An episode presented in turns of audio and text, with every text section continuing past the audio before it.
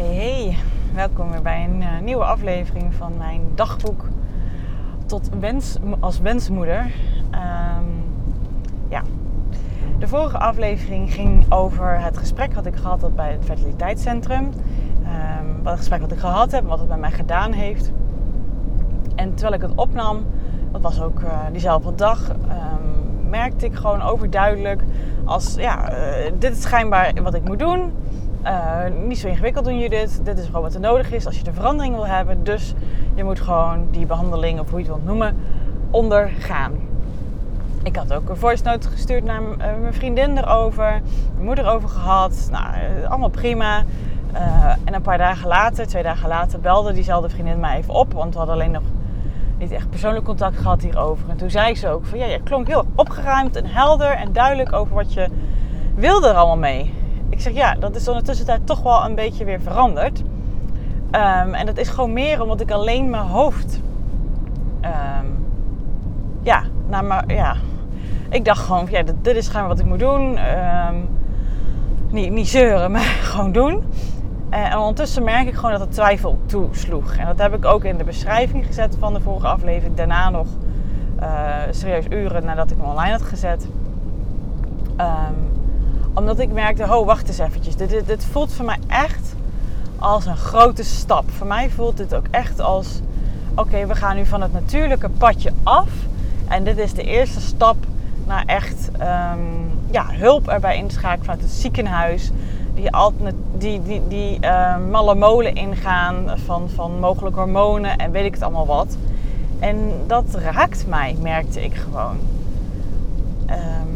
En ik voelde me daar gewoon nog niet helemaal gevoelsmatig klaar voor. En ik heb één ding wat ik wel echt geleerd heb in het hele uh, proces. Is dingen doen omdat het hoort of omdat mensen het adviseren of omdat het lijkt alsof het het beste is. Alleen vanuit je hoofd doen. Ja, en, en eigenlijk voor de rest er niet helemaal achter staan. Um, dat wil ik niet meer. Ik wil er ook echt helemaal vol voor durven en kunnen uh, kiezen. Dus ik wil mezelf ook daar de ruimte voor geven om helemaal erachter te gaan staan. Helemaal oké mee te zijn. Dat is wat ik um, ja, mezelf gun, mezelf bied. Um, dan is het maar een maandje later dat er iets gebeurt. Dat is oké voor mij. Daar sta ik achter. Ondanks dat ik natuurlijk van mijn vriendin ook te horen gekregen heb wat, wat gewoon waar is. Weet je, um, wordt 36 binnenkort, over anderhalve maand. Um, betekent ook dat er meer gevaren bij kunnen zitten, überhaupt gewoon bij een zwangerschap, ook met het kindje.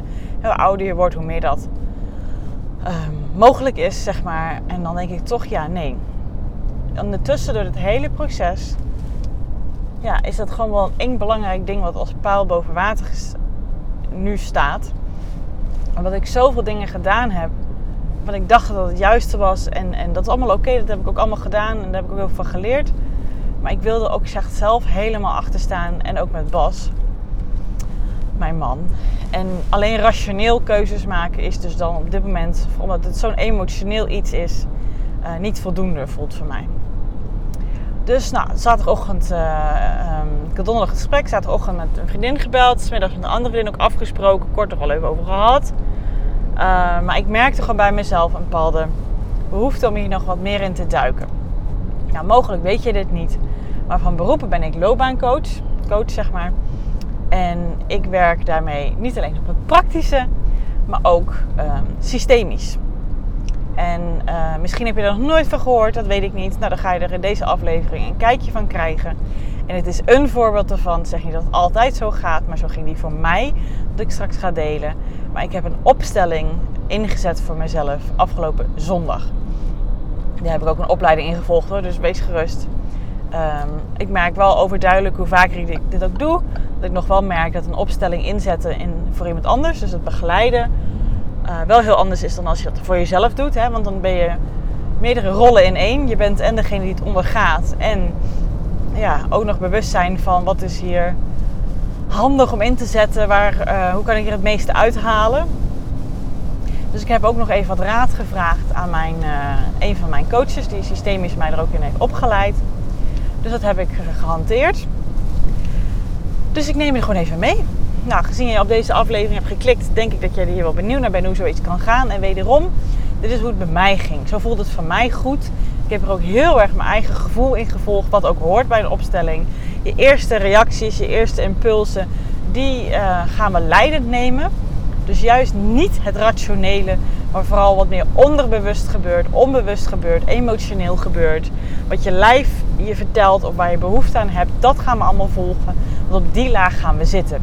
Want met je hoofd kan je al zoveel bedenken en over nadenken. Maar dat heb ik al gedaan. Daar heb ik al gesprek over gehad. Daar heb ik met andere mensen gesprek over gehad. Ik ben heel goed daarin om dat te rationaliseren. Want ik merkte aan mezelf dat dat niet het enige was waar ik behoefte aan had om helemaal achter een volgende stap te kunnen gaan staan. Um, ja, ben ik dit gaan doen. Dus afgelopen zondag, ik wilde heel graag het huis voor mij alleen hebben. Goed, de honden die we hebben, dit is prima. Maar mijn man die ging op een gegeven moment sporten. En toen dacht ik, ja, fijn. Hij vroeg eerst of ik mee wilde sporten. Nou, dat heb ik niet gedaan. Ik heb een ander moment gekozen ervoor. Ik zei ook tegen hem, ze gaan opstelling doen. Hij kent me al lang natuurlijk, hè. Hij zegt, dus ga maar lekker lang weg. um, ja, laatste staartje kwam hij opeens thuis. Dus nou goed, dat, uh, maar ik heb mijn antwoorden voor nu even genoeg. En je weet, pak ik dat later nog op. Wat heb ik gedaan? Hoe werkt ook een opstelling? In ieder geval hoe ik hem heb ingezet. Ik heb gewerkt met stoelen en ik heb gewerkt met briefjes. Um, en ik voelde gewoon dat ik dit zo moest doen. Wederom, ik zeg niet dat het altijd zo moest, maar zo ging die van mij. Oké, genoeg disclaimers Judith. Ja. Ik pak altijd mijn klapboek erbij. Uh, het zijn A4 papiertjes met lijntjes. En die maak ik dan uh, A5 van. Dus ik scheur dat door de midden. Um, dus heb ik een aantal briefjes gepakt. En um, op de eerste heb ik geschreven... Um, ons ongeboren kindje. Het zieltje wat op ons wacht. En ik merkte gewoon heel erg de behoefte dat ik er nog meer op wilde schrijven en tekenen. En die heb ik dus gewoon gevolgd. Dus ik heb er op, op, opgeschreven uh, toekomstig kind van Bas en Judith. En ik weet niet waarom. Ik had er gewoon heel erg de behoefte aan om allemaal hartjes op te tekenen. Dus er stonden echt wel eens van zeven of acht hartjes bij. En ik heb echt, ja, daar woorden aan gegeven. Dat ik dacht, oké, nou zo is die goed. Volgende briefje heb ik mezelf erop geschreven. Dus ik, heb ook nog Judith opgezet. Ik heb opgeschreven uh, vrouw van uh, Bas. Dochter van de namen van mijn ouders. Ik heb ook opgeschreven dat ik zelf twee miskramen heb gehad. Um, ja, en moeder van ongeboren toekomstig kindje. Dus voor mij heb ik het erop geschreven. Ik zit nu in de auto, dat hoor je waarschijnlijk ook. Het regent. Maar ik voelde nu de behoefte om het te vertellen met je, te delen met jou. Toen heb ik, um, ik voelde ook, dat had ik van tevoren niet bedacht. Toen dacht ik ook, nee, die horen er ook bij. Dus ik heb ook twee briefjes gepakt waar op één staat miskraam 1 en op 2 staat miskraam 2. Dat verhaal. Toen heb ik gepakt een briefje waar ik op heb geschreven Bas. Ik heb erbij geschreven uh, uh, man van Judith, zoon van nou, zijn ouders, broer van, oh, dat heb ik bij mij ook gedaan trouwens, zus van nou, mijn broer bij, mijn man heb ik ook broer van zijn broer geschreven. Ook opgezet dat hij dus ook twee miskramen gehad heeft met mij. Uh, vader van een ongeboren kindje. Toen uh, heb ik uh, briefjes gepakt. Voelde ook gewoon dat hij erbij hoorde. Uh, voor mijn ouders en voor Bas zijn ouders. Gewoon als één briefje. Um, ja, dat waren ze. En ik heb voor degene waarvan ik dacht, daar ga ik ook op inzetten, daar ga ik ook gebruik van maken, daar ga ik iets mee doen, heb ik stoelen of poefjes of wat dan ook gepakt. gepakt. En ik voelde gelijk al de neiging in mezelf om het poefje te pakken en die midden in onze, nou ja, het gedeelte wat er open is, zeg maar in onze woonkamer. We hebben zeg maar een bank uh, met een salontafel. En dan hebben we een stuk of um, tussen de salontafel en onze televisie, zeg maar, daar zit, daar zit zeg maar uh, tussen de bank en de televisie iets van 5 meter. Dus je kan je voorstellen dat tussen de salontafel en televisie, er zit echt iets van bijna 3 meter tussen, 2,5 meter, 3, 3 meter tussen. Ik ben niet zo goed geografisch ingesteld of ruimtelijk ingesteld, maar het was in ieder geval genoeg ruimte. Laat het daarop houden.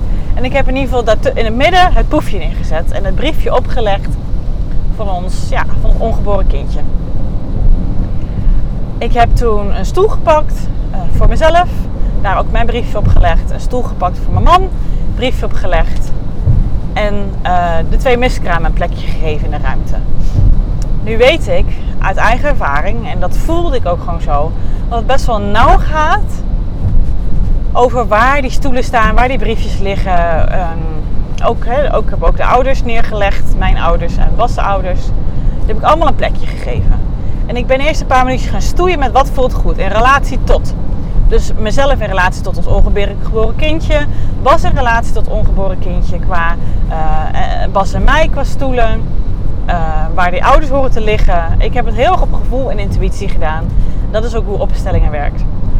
En ook waar de miskramen liggen in de afstand tot het ongeboren kindje, afstand tot mij. Nou, uiteindelijk kwam ik uit op in het midden dus de poef, een ongeboren kindje. Uh, daarachter, best wel een meter daarachter, uh, de miskraam 1 en 2, zeg maar. Die hebben ook wel wat tijd, wat ruimte tussen elkaar gekregen. En zeg maar daarvoor, laat het zo vernoemen, mij als stoel en Bas als stoel. Ehm, tussen Bas en mij zat ook wat ruimte. Net zoveel ruimte, denk ik eigenlijk, nu ik bedenk, tussen mij en het kindje en Bas en het kindje. Het was wel een beetje zo'n samenspel, zo'n driespel. En bij mij lag rechts uh, op de salontafel, ik stond best wel dicht bij de salontafel, het briefje van mijn ouders. En bij Bas uh, een beetje, uh, niet onder zijn stoel, maar iets schuin achter onder zijn stoel. Zijn ouders briefje. En ik ben als eerste gaan zitten op mijn eigen stoel. Dat is gewoon een heel fijn uitgangspunt. Ik voelde ook die uh, roeping. Met de rest voelde ik dat nog niet echt. Dus ik denk, ga daar zitten. Dat is ook fijn om daar als eerste mee te beginnen. En wat ik altijd bij een opstelling dan doe, um, is, je moet, het is dus niet de bedoeling dat je in je hoofd gaat zitten, je gaat in je lijf zitten. Dus ik ga heel rustig zitten. Um, ik ga goed mijn voeten voelen op de grond. Ik heb ook mijn sloffen en alles uitgedaan. Gewoon in mijn sokken alleen. Goed gaan voelen op de grond. Goed de stoel gaan voelen. Uh, mijn billen op de stoel, mijn rug in de leuning. En gewoon kijken hoe voelt het op deze plek. Gewoon heel erg gaan kijken hoe is het hier om hier te zitten. Wat voel ik allemaal? Waar kan ik wel contact mee maken qua grond, voeten, lichaam, stoel?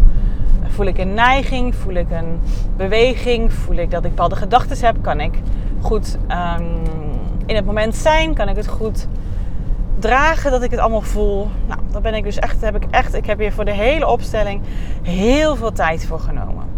Dat komt ook omdat ik de week ervoor ook een opstelling heb gedaan met twee keuzes. Omdat ik nog aan het twijfelen was tussen, hè, wil ik iets wil ik het ziekenhuis mee gaan nemen in onze zwangerschapwens of juist de natuurlijke weg.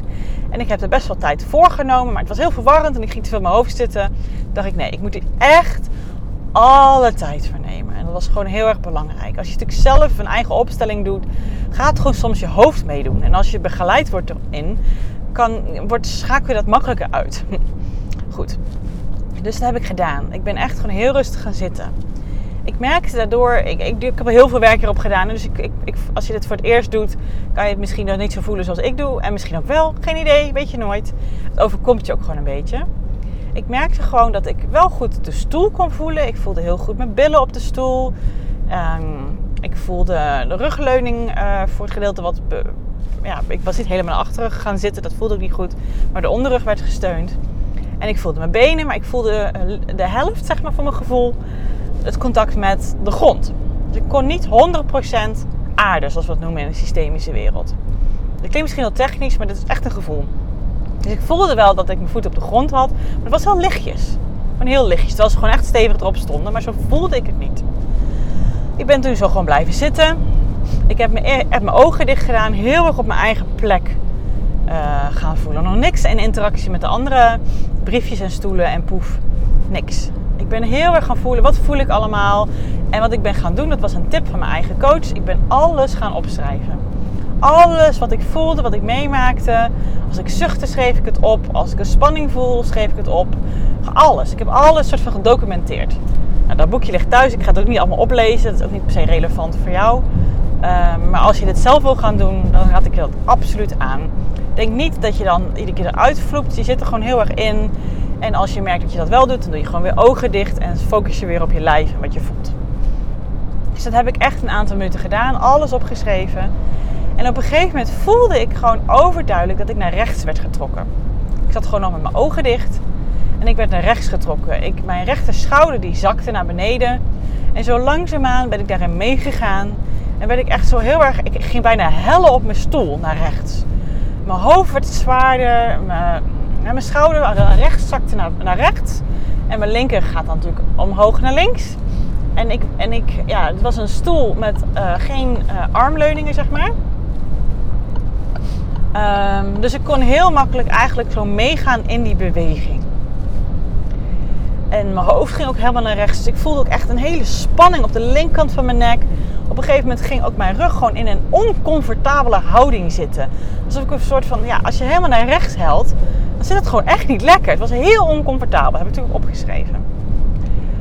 En rechts lag het briefje van mijn ouders. En precies naar die kant, op een gegeven moment deed ik mijn ogen open. Ik denk, ja, ik huil gewoon overduidelijk richting mijn ouders. En het werd heel oncomfortabel ook gewoon. Ik, ik dacht op een gegeven moment, dit gewoon echt te veel zeer. Toen, toen, dacht ik, nou, nou is wel duidelijk wat ik aan het doen ben. Dit is super oncomfortabel. Dat woord heb ik ook meerdere keren opgeschreven. Dit gewoon echt zeer in mijn rug. En mijn rug is ook echt wel de plek waar ik altijd mijn spanningen voel. En um, ja, als, als ik niet lekker in mijn velletje zit, is dat heel vaak mijn rug mijn eerste go-to plek. Dus toen ben ik weer rechtop gaan zitten en uh, mijn ogen open gaan doen. En ik, oh, even bijkomen, even weer zitten, even weer. Ah. ik zag natuurlijk dat dat een briefje was. Ik denk, ja, ik word er ergens nog in getrokken met mijn ouders. Ik heb ervoor gekozen om daar niet te veel aandacht verder op te focussen. Want het ging, mijn aandacht ging over de kinderwens. Het kan zijn in een opstelling dat meerdere dingen boven kunnen komen. Maar mijn, mijn doel was het stukje kinderwens. Dus ik dacht, oké, dat is duidelijk. Ik, ik, ik, ja, daar zit iets, prima. Misschien later. Ik voelde ook niet behoefte om daar verder iets mee te doen. Het was oké. Toen dacht ik, nou, uh, ik voelde de neiging om nu contact te zoeken met de stoel aan mijn linkerkant. Er zat echt wel een meter tussen met Bas. Dus ik richtte ook mijn ogen, mijn aandacht op die stoel. En direct voelde ik dat er een glimlach op mijn gezicht kwam. Dat ik liefde voelde. Dat ik dacht, oh, daar zit Bas. Hij zat natuurlijk niet letterlijk, hè. Maar daar zit Bas. Dat is Bas. Zo werkt het systemisch werk. Hè? Dat is gewoon zo. Dat is heel irrationeel, heel onbewust. En hoe meer je er open staat, hoe meer signalen je ook oppakt. Ik doe het werk al langer, dus ik sta er heel open voor ik werd gewoon warm van binnen. Ik dacht echt, oh wat fijn om naar hem te kijken, om contact met hem te maken. Oh, heerlijk. Hij zit daar gewoon heel rustig, ook naar mij te kijken. Um, voelde heel fijn. Gewoon wij saampjes. Heel rustig, heel... Hij zat daar gewoon en hij keek mij aan, heel open. Echt zo'n rots in de branding voor mij. Hij had gewoon zijn blik op mij. Dus zat hij ook constant ook naar te kijken. Eh, alle openheid en aandacht op mij gericht. En ik, en ik dacht, oh wat lekker is dit. Wat is het heerlijk om contact met hem te maken. Ik vond het zo fijn. Want echt zo, oh, weet je, zo'n opluchting. Een warm, lekker gevoel. En toen dacht ik, ja, hè, hè, lekker. Het gaf me ook gewoon weer extra onbewuste bevestiging. Dat ik super blij en dankbaar ben voor en met hem. Dat hij in mijn leven is. Dat hij er voor mij is. Oh, nou, daar ben ik gewoon even lekker in gaan uh, zijn. Ik vond het gewoon heerlijk. En toen dacht ik, ja, ik kan nou wat wel gaan vermijden, maar dat gaan we niet doen. Hiervoor doe ik deze opstelling. Dus vanuit die liefde ben ik me gaan richten met mijn aandacht op het poefje. Het poefje van mijn onze ongeboren kind. En ik keek daarnaar en uh, ik probeerde ermee te connecten. Het was lastig. Ik voelde in het begin helemaal niks. En ik ging ik voelde een neiging om in mijn hoofd te schieten. Oh, dat is niet goed. Wat, wat gebeurt er nu? Eh, is dat wel de bedoeling? Betekende dat het kindje er misschien niet is? Uh, hè, want ik heb vanuit Nice Sessies gehoord dat er een zieltje uh, klaar staat voor ons. Um, oh, betekent dat ik er niet meer in geloof? Oh, ik dacht, nee Judith, geef het tijd. Geef het ruimte, geef het aandacht. Oh, dus ik probeerde weer in mijn lijf te komen. En langzaamaan, heel rustig, heel voorzichtig, voelde ik wat. Maar het was het best ja, voorzichtig. Ik voelde langzaam aan een lijntje komen, een connectie komen, maar die was dus best. Ja, wat woord moet ik eraan geven? Ja, voorzichtig is een goed woord. Wat brillig, wat um, onstabiel denk ik ook. Maar we zochten steeds meer toenadering naar elkaar. Um, ja, en op een gegeven moment heb ik ook een aantal minuten gedaan. Toen dacht ik, nou, voor mij is het zo even goed vanuit mijn plek. Ik hoef niet uh, naar de miskraam te gaan. Ik zag dat ze er waren. Ik merkte wel toen ik er heel even met mijn aandacht naartoe ging dat miskraam 2 meer mijn aandacht pakte dan 1. Dat klopt ook, dat was ook gewoon überhaupt mijn beleving. Miskraam 2 heeft er veel meer ingehakt en veel meer het proces gecapitaliseerd dan miskraam 1. Dus ik merkte die dat wel, maar ik denk dit is niet nu de nodige om te doen. Ik keek eventjes naar mijn ouders. Ik bedenk me ook nu, ik heb heel weinig gedaan met Bas zijn ouders, ook zelf. Hoeft ook niet. Ik wilde in ieder geval dat die er waren. Toen ben ik gaan zitten op de stoel van Bas. Wacht, ik ben eerst even eruit gegaan. Ik ben even eerst eventjes ah, uit mijn eigen stoel gegaan, zeg maar even eraf. Even een beetje contact maken met, met de woonkamer weer. Gewoon even omschakelen. Even weer een beetje lopen. Even een beetje, dat is even handig om los te komen van dat, van die energie. Want je tapt heel erg in in een bepaalde energie die hier onbewust is. Nou, toen ik voor mijn gevoel dat een beetje losgeshaked had, los van was, weer in mijn lijf zat, weer rustig was, weer een beetje objectief was, ben ik op de stoel van Bas gaan zitten. En daar heb ik precies weer hetzelfde gedaan. Zitten, eh, voeten op de grond. Hoe, wil ik, hoe voelt de neiging om te gaan zitten? Wat voel ik allemaal? En ook alles weer gaan schrijven met mijn ogen dicht. En dan weer schrijven, ogen dicht. En iedere keer zo gedaan. Oh, die stoel voelde heel erg steunend. Ik voelde ook duidelijk mijn voeten op de grond. Ik voelde dat ik er zat. Ik was er, ik was echt aanwezig. Op een rustige manier. Zoals ik ook die energie voelde vanuit mijn eigen stoel. Ik voelde dat ik de behoefte had om echt te leunen in de rugleuning. Dus dat voelde ik ook heel duidelijk. Het was een hele gegronde plek was het. En ik voelde op Bas' stoel dat ik heel erg naar de stoel, hè, toen ik dat minuut heb gedaan, naar de stoel van mij, van Judith getrokken werd. Ik voelde dat ik daar naartoe wilde kijken. Daar voelde ik een connectie mee. Ik was daarmee bezig. Niet, niet druk, maar ik was bezig met Judith. Hm. Als bas zijnde, als energie zijnde. Dat was mijn centrale focus. Gewoon vanuit rust. Gewoon oké. maar daar, daar was mijn aandacht op gevestigd. En ik keek ook naar Judith. En ik dacht, ja. En wat ik daar als bas zijnde, als op die stoel ervaarde, was dat er bij Judith heel veel gaande was. Ik voelde heel veel bezigheid, onrust, wisselingen van dingen. Uh, dat zij heel druk met zichzelf bezig was in het proces. En ik was als Bas op die stoel bezig met dat allemaal een beetje volgen. Wat gebeurt er allemaal en er voor haar te zijn. Maar ja, ik, ik zag dat er van alles gaande was. En dat zij vooral met zichzelf bezig was en weinig contact maakte met, met, met haar, met, ja, met, met mij, dus als Bas zijnde, ook met het kindje niet, ook met. Ja, nee. Dat was er niet echt. En ik was daar heel erg mee bezig. Ik was daar heel erg mijn aandacht aan het trekken naar wat er allemaal gaande was. Aan het observeren, aan het volgen, er voor haar te zijn, haar te helpen. Ehm, ja, wat zij wilde. Gewoon vanuit uh, niet een pleasende manier, maar wel gewoon vanuit Jij bent belangrijk voor mij. Jij bent mijn centrale punt hier. En whatever you want, daar ga ik in mee voor zover ik dat ook wil. Hè? Dat doet hij natuurlijk in het echt niet constant. Maar dat, ik ja, was heel erg beschikbaar voor mij. Dat is het goede woord, denk ik. Ik was heel erg beschikbaar voor Judith. En zij was voor mij centraal. Ik was gewoon op observeren wat er allemaal gebeurde. En er was van alles gaande. Dat is wat ik zag toen ik van mijn gevoel daar alle aandacht aan gegeven had, focuste ik ehm, mezelf op dit boefje. De plek, het briefje waar het briefje lag van ons ongeboren kind. En gelijk voelde ik daar connectie mee als Bas zijnde. Ik voelde een lijntje, ik voelde een warmte, ik voelde een glimlach. Hij was er. Omdat ik, nee, niks omdat. Het is redenatie. Nee, Judith. Zie je, het verleidelijk, hè? Het was er. Ik voelde nog steeds die rust op die stoel. Ik voelde nog steeds die aanwezigheid op die stoel van Bas. En ik voelde dat ook bij het zieltje, bij ons ongeboren kind. Wij connecten. We zaten op diezelfde level, merkte ik. We, we, hadden gelijk contact. Het was heel prettig, heel fijn. Niet se super sterk, het was er gewoon. Gewoon, het voelde gewoon goed. Niet te veel, niet te weinig. Precies goed. Het was ook gewoon lekker om dat eventjes te checken. Gewoon zijn, gewoon oké zijn. We zijn er. We weten van elkaar dat we er zijn. Dat. Ik keek ook even naar de miskramen.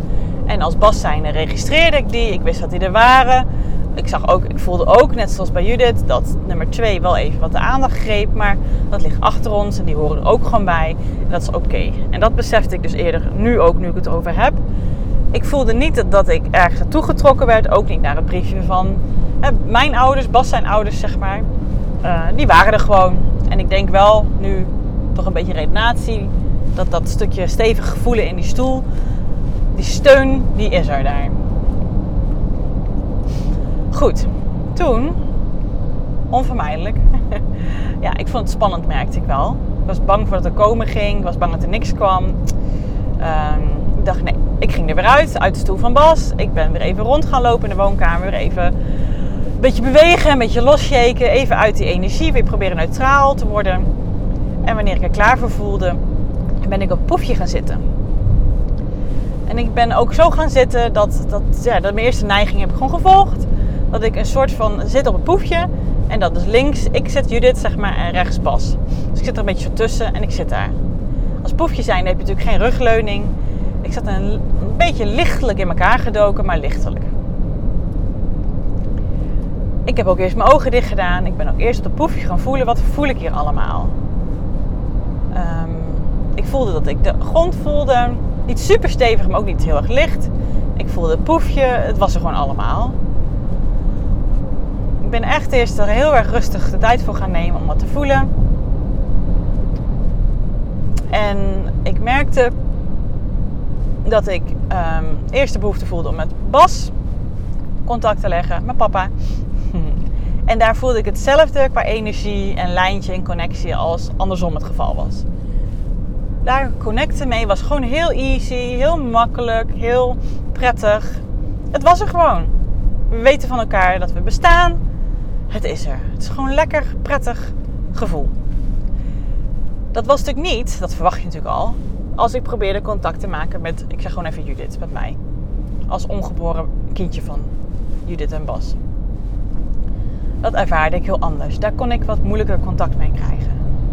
Omdat ik ook zag, ik voelde ook, dat zij met alles bezig was. Ze was met van alles bezig. Ze was van alles aan het doen. En heel erg met zichzelf bezig. Dat ervaarde ik ook op die plek dat dat op die stoel van Judith gaande was. Maar ik bleef kijken, heel rustig. En op een gegeven moment kreeg ik ook connectie met Judith. En dat was fijn. Ook even wennen, maar wel fijn. Met Bas is het gewoon een constante energie die ik voel. En met Judith is het gewoon wisselend. Maar als we proberen met elkaar, met wederzijdse toestemming en rust, connectie te krijgen, dan krijgen we die ook. Niet zo solide als met Bas, maar hij is er wel. En dat was gewoon fijn om te ervaren op die plek. Ik voelde ook op die plek zelf van alles wat.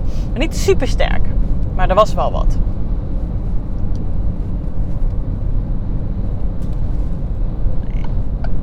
Ik zit even te denken, heb ik daarna wat gedaan? Ik geloof het niet. Oh jawel. Ja, en toen dacht ik, uh, ben ik eruit gestapt. Toen dacht ik, nou, ik pak nog twee stoelen en die heb ik gezet voor, heb ik, heb ik de briefjes van miskraam weggehaald, de miskramen. En toen heb ik daar twee andere stoelen achter gezet, achter het ongeboren kindje van ons. En op de ene stoel heb ik een briefje gelegd en heb ik opgeschreven.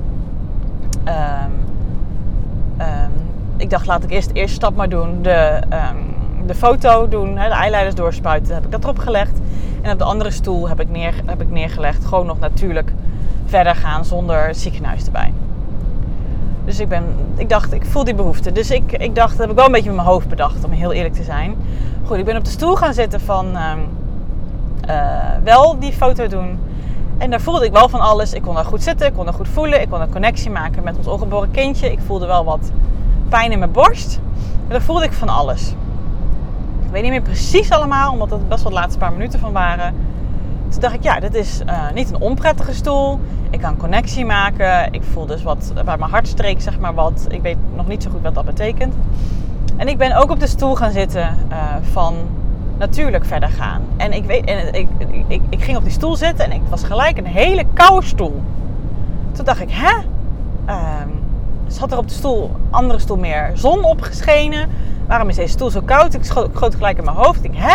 Waar raar dat hij zo koud is. Het wilde natuurlijk helemaal niet dat hij koud was. Want dat betekent, ja, dat is niet een fijn gevoel natuurlijk. Maar goed, ik ging er dus op zitten. Het voelde koud. En toen hoorde ik Bas thuiskomen. Dus ik, en ik vind het gewoon niet prettig om dan door te gaan. Dat ik dan tegen hem kan zeggen, ik ben er even bezig. Jij moet maar even weggegaan. Ik, ik voel die rust dan niet meer. Dus ik denk, nou weet je, ik heb er al heel veel uitgehaald. Het is even goed zo. Weet, pak ik dat later op. Stoelen weer teruggezet.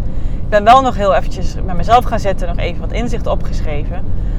Want om heel eerlijk te zijn, je hoort het natuurlijk zelf ook al wel hè het grootste inzicht wat ik hier als, als, als grootste takeaway heb gekregen, is die, dat stuk wat ik voelde bij mezelf en wat Bas en ongeboren kindje bij mij ervaarden.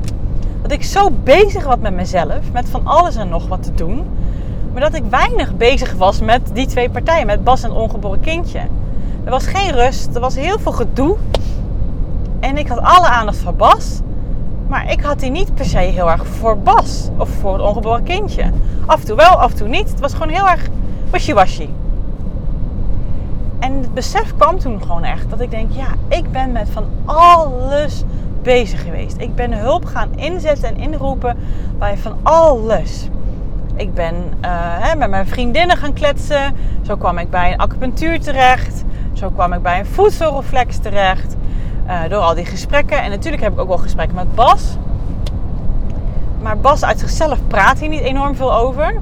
Dus de gesprekken komen vooral uit mij. Um, en iedere keer als ik dan denk, ja, ik zit met iets, dan bespraken we het.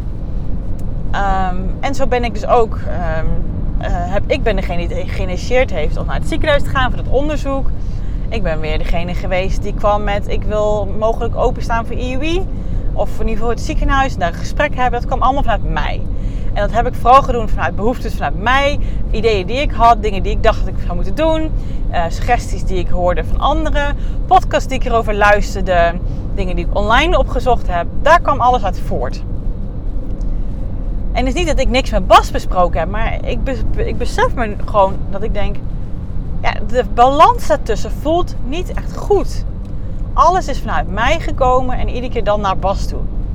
Maar hoeveel heb ik eigenlijk op Bas vertrouwd hierin? Zijn intake hierin gevraagd? Wat, wat hij wilde hierin? Ik weet dat hij vaak altijd denkt, gewoon weer een nieuwe maand proberen. Gewoon, het komt wel goed. Ik vertrouw erop dat het allemaal wel goed komt.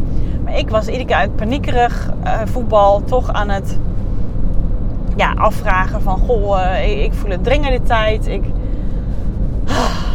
En toen dacht ik, ja, maar het is er gewoon al. Bas is er en Bas is zo liefdevol naar mij. Hij is ook zo met mij bezig. Dat weet ik ook uit gewoon mijn dagelijkse ervaring. Vraagt hij iedere keer hoe gaat het met me? Als hij niet lekker in mijn vel zit of als ik moet huilen of als ik ergens mee zit, dan wil hij het graag voor mij fixen. Hij staat zo voor mij klaar. Het is niet dat hij iedere keer met suggesties komt of wat dan ook. Hij is heel erg met mij bezig daarin. Wil heel ik me goed voel, dat ik me hier oké in voel. Hij volgt mij daar heel erg in.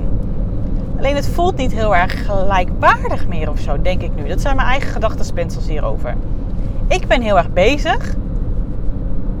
Maar daarin ben ik eigenlijk te veel aan het leunen en steun aan het zoeken bij externe dingen.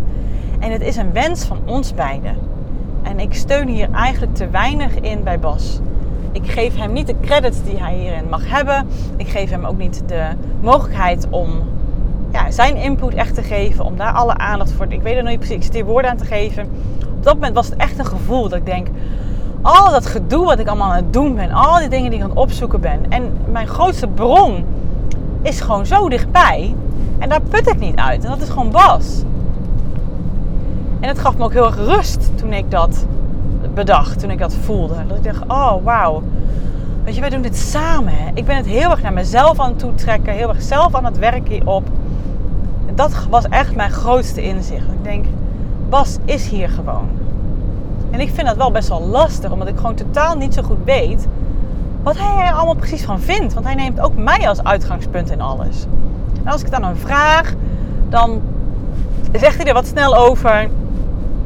En nou, is dat het hem ook gewoon. En ik wil dan meer weten of, of ik wil het uit hem trekken. En dat, uh, hij is meer iemand die opeens dan tegen mij zegt: Judith, moet je dit nummer luisteren? hier moet ik aan denken, ook met waar we nu mee bezig zijn. Hij zegt dan nooit zwanger worden of, of de miskraam. Dat soort woorden gebruikt hij niet. Maar dan luister ik het en dan hoor ik die tekst van dat nummer. En dan denk ik echt, ja, maar hij, hij, doelt hier absoluut op. En dan, ik geef er allemaal woorden aan. Ik heb er ook niet voor niks een podcast.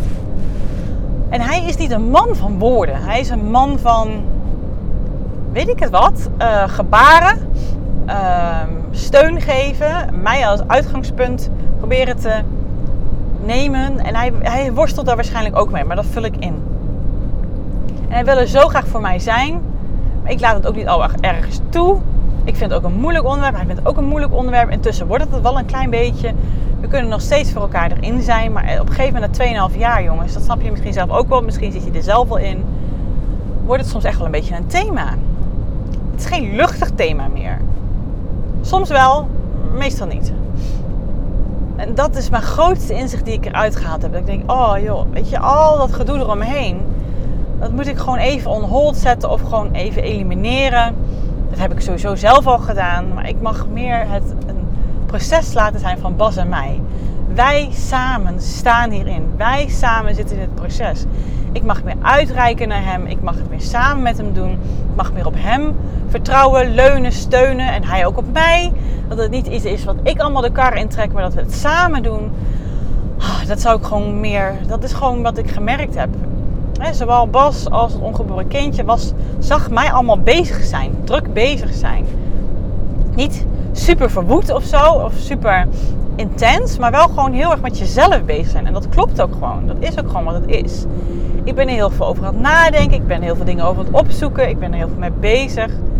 Maar waar de aandacht naartoe mag gaan, is minder doen en meer contact maken met Bas. En zijn en steunen en voelen en verbinding. En, en ik denk dat ik dat ook gewoon heerlijk zo vind. Dat vind ik ook gewoon. Het voelt als een warm bad. Ah. En ik weet ook, ik bedoel, afgelopen weekend had ik even, had ik even een momentje en dan uh, lig ik even op de bank en dan is gelijk Bas. Gaat het wel goed Bas? Wat is er, wat, gaat wel goed Judith? Wat is er aan de hand?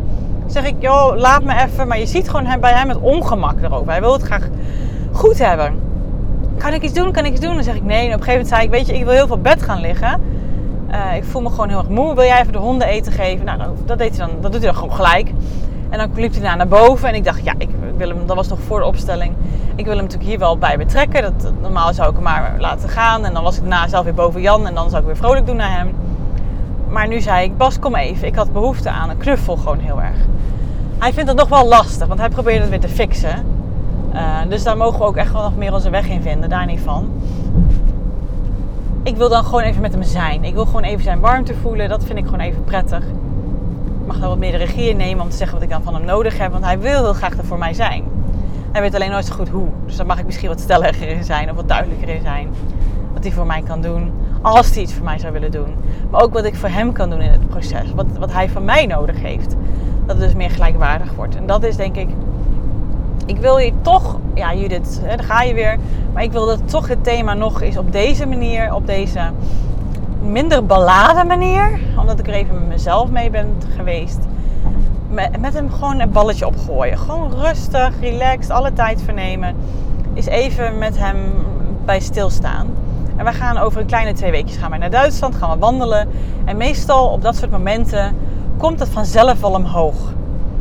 En wanneer het moment daar voor mijn gevoel voor voelt, of we, komen er natuurlijk op, of ik gooi het balletje op op Bas misschien, wie weet, ehm, wil ik het toch eens even rustig met hem over hebben. Niks. Want vaak is het toch de laatste zo'n beladen ding. Ja, Bas wil je toch even nadenken over IUI.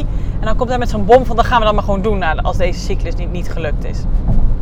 En, uh, want het duurt wel heel erg lang, zei hij. Volgens mij heb ik het al gezegd. Dat dat... Uh, Nee, dat heb ik gewoon niet eens gedeeld. Zeg ik het nou uit? Ja, dat heb ik wel verteld. Want het was eh, het weekend voor de afspraak met het fertiliteitscentrum. Er gebeurde ook van alles bij hem, hè. Maar dat, daar ben ik dan niet zo... Um, dat weet ik natuurlijk gewoon niet. En ik vind het wel gewoon heel erg fijn om dat te weten. Maar omdat hij het zelf soms niet eens goed weet. Maar ik wil hem daar wel alle rust en ruimte in geven. Om daar samen eens in te puzzelen. En het samen soms even niet te weten en het samen te doen. Dat, dat is gewoon wat ik heel graag, wat ik hieruit gehaald heb. En dat voelt echt heel goed. En dan of ik dan wel of niet die foto ga doen of niet, dat is heel eventjes stap 2. Ehm, ja, het komt ook niet zo lekker uit. Ze noemden een datum ook om het dan te gaan doen, mocht deze cyclus er niet zijn. Ehm, ik denk ook dat ik het ook gewoon heel spannend vind, dat dat doen. Dus ik wacht misschien nog even één cyclus af. Uh, mocht deze niet zijn, dat ik zwanger ben. Uh, wat is dat ene maandje nou ook, jongens, boeit het. Ik geef mezelf gewoon echt die ruimte hierin. Ik wil Bas en mij heel erg die ruimte hierin geven. Dat het niet alleen iets is vanuit ons beide hoofd, dat het maar moet gebeuren. Want ja, hè, dat is het meest logische. Maar dat het ook echt iets is waar we ons allebei goed bij voelen.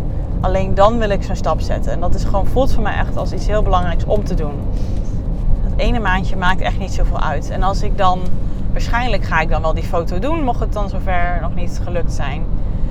En dan wil ik graag dat Bas meegaat en dat we het samen doen. Dat ik steun uit hem kan halen, dat hij mij kan steunen, dat ik hem kan steunen.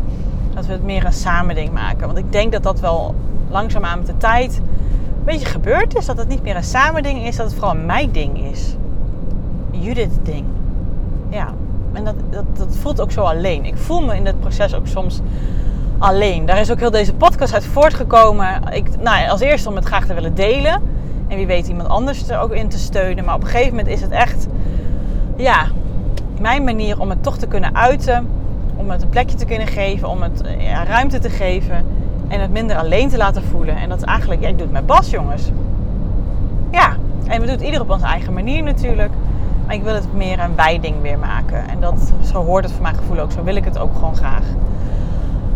Dus dat heb ik vooral uit deze opstelling gehaald. Dus dat is een heel lang verhaal, zie ik al 40 minuten.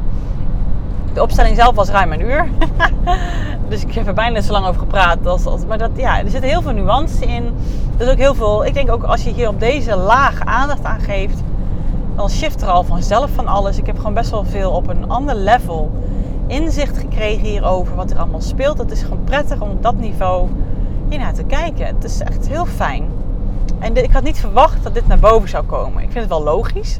Maar ik had niet verwacht. En ik heb het ook allemaal op me af laten komen. En het was gewoon echt fijn. Ja, het is geen beter woord dan dat. Dus ik wil het ook graag met jou delen. Mocht jij nog nooit er iets in mij gedaan hebben, ook jij kan dit. Je kan hier gewoon briefjes voor gebruiken. Ehm, maar neem er alle tijd voor. Denk niet gelijk, ik moet nu iets voelen. Pak je moment, doe je ogen dicht en kijk wat er gebeurt. En volg je eerst, al zijn het mini mini kleine impulsen of een gedachte die je krijgt, ga daarop verder. Kijk wat het met je doet. Volg je eigen neigingen hier vooral in. Want dat is het, on, het onbewuste en onderbewuste en het emotionele stuk wat dan alle aandacht krijgt. Omdat je minder aandacht geeft aan je hoofd. En je ogen dicht doen helpt daar heel erg bij en een, ja, een boekje bij je hebben waar je alles rustig op kan schrijven wat je allemaal ervaart en voelt. Want zo word je steeds bewuster van alles, van je binnenwereld, wat er gebeurt in je lijf.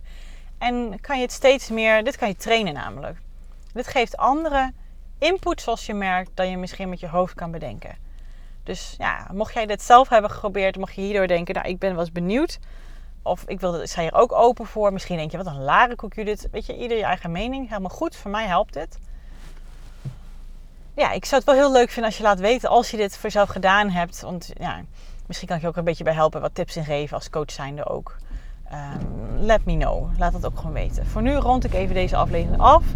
Ik vond het ook gewoon fijn om het even hardop uit te spreken. Wat ik hier um, allemaal uit meegenomen heb. Want tot nu toe heb ik alleen maar opgeschreven. Dit voelt wel als iets wat ik graag bij mezelf wil houden. Het heeft weinig nut om het helemaal met Bas te delen. Maar wel het inzicht wil ik graag met hem delen. Ik wil vanuit het inzicht wat ik gekregen heb er iets mee gaan doen in het contact met Bas. En als hij vraagt waar komt het opeens vandaan, of, of dan kan ik het uitleggen. Nou, ik heb die opstelling gedaan, dat wist hij ook dat ik ging doen. En dit, dit heb ik gevoeld en ik ben gewoon heel benieuwd hoe dat voor jou is. Hoe ervaar jij dat? Wat zou jij graag willen? Ik wil het graag meer samen doen. Ja.